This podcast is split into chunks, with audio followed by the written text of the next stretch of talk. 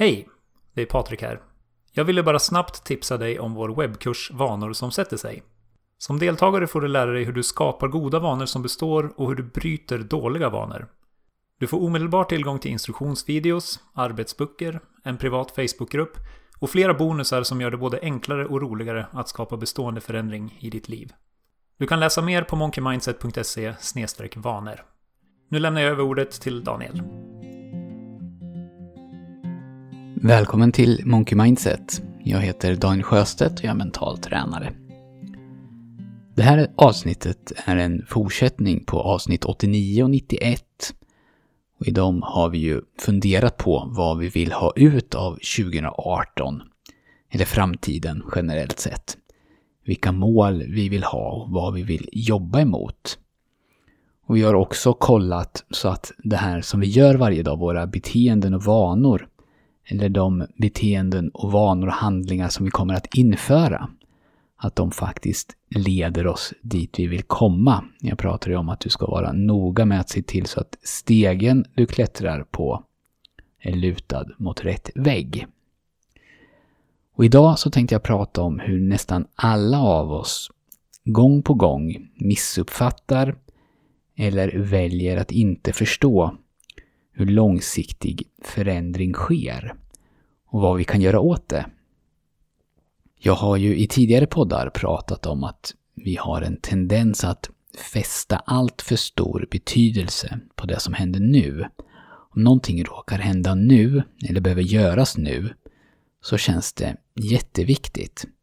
Även om vi rationellt sett, om vi tar lite tid att tänka efter, ganska lätt kan se att exakt samma sak ju hände förra året också och att den saken nu i efterhand inte alls känns så viktigt som vi tyckte att det var då. Men bara att det sker nu, eller att vi vill att någonting ska ske nu, gör att vi lägger oproportionerligt stor vikt vid dess betydelse. Och vad gäller förändring så kan det här leda till att vi har för bråttom. Alltså att vi vill för mycket, för snabbt. Och i mina föreläsningar, och jag har säkert också sagt det i någon podd, så pratar jag ibland om att när det gäller att bygga vanor så väljer vi egentligen inte mellan att bygga dem snabbt eller att bygga dem långsamt, utan vi väljer mellan att bygga dem långsamt eller att inte bygga dem alls. Så antingen gör vi det långsamt eller så misslyckas vi. Och ingen regel utan undantag, självklart, men undantagen är få.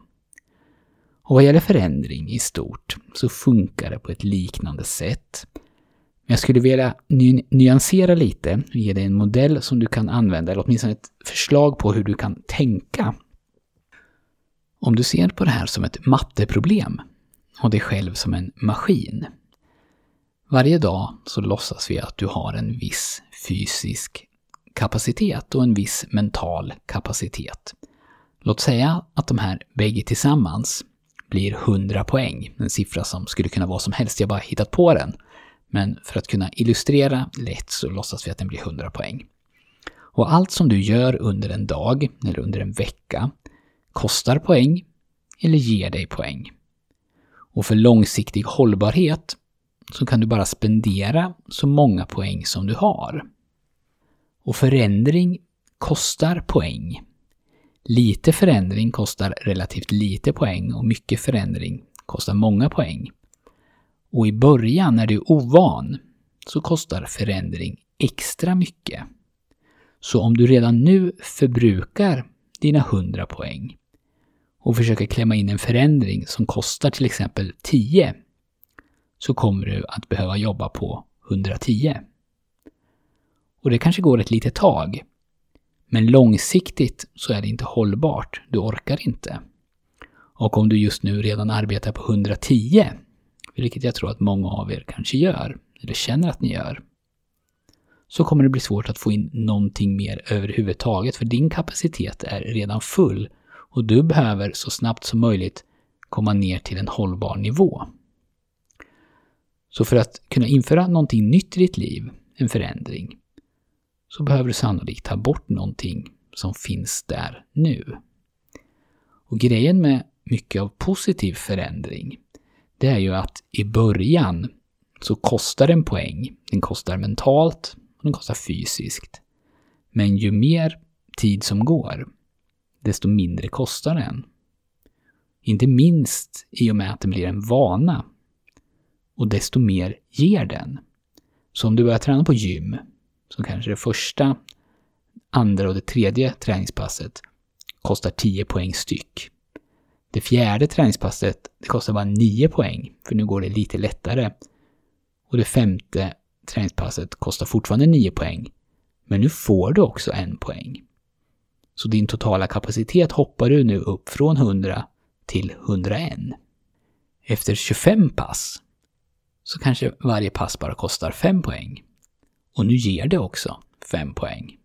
Och ju längre du håller i den här träningen, desto mer ger den. Så passen efter den 25, de är nu en plusaktivitet som ökar din kapacitet mer än vad den kostar.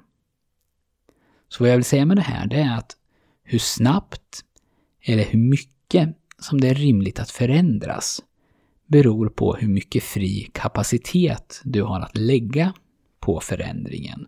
Du kan ju skapa den här fria kapaciteten antingen genom att dra ner på sånt som kostar energi eller att göra sådana saker som ökar din totala kapacitet.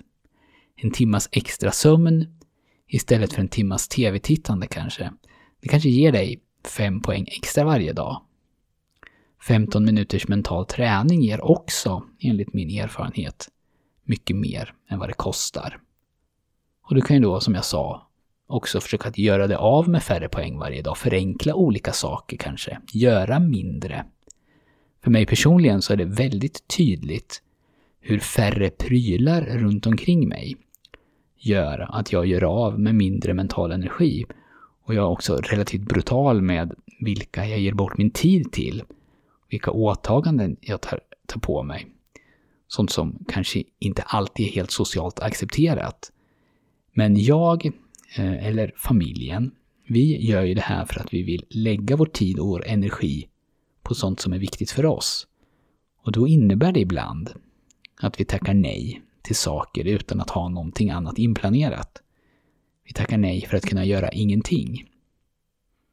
Så ju mer kapacitet som du skapar eller frigör, desto mer kan du lägga på den här förändringen och desto snabbare kan den gå. Men om det krävs att du arbetar på rött för att kunna få plats med förändringen, alltså att du konstant ligger över din kapacitet, då är möjligheten att du ska lyckas liten. Det var allt som jag hade för den här gången. Om du vill veta mer om mental träning kan du signa upp det för våra medlemssidor och det kostar ingenting. Gå då in på monkeymindset.se. Tack också till alla er som har lämnat recensioner på iTunes. Det uppskattar vi verkligen och fortsätt gärna med det. Tusen tack för att du har lyssnat och jag hoppas att vi hörs snart igen.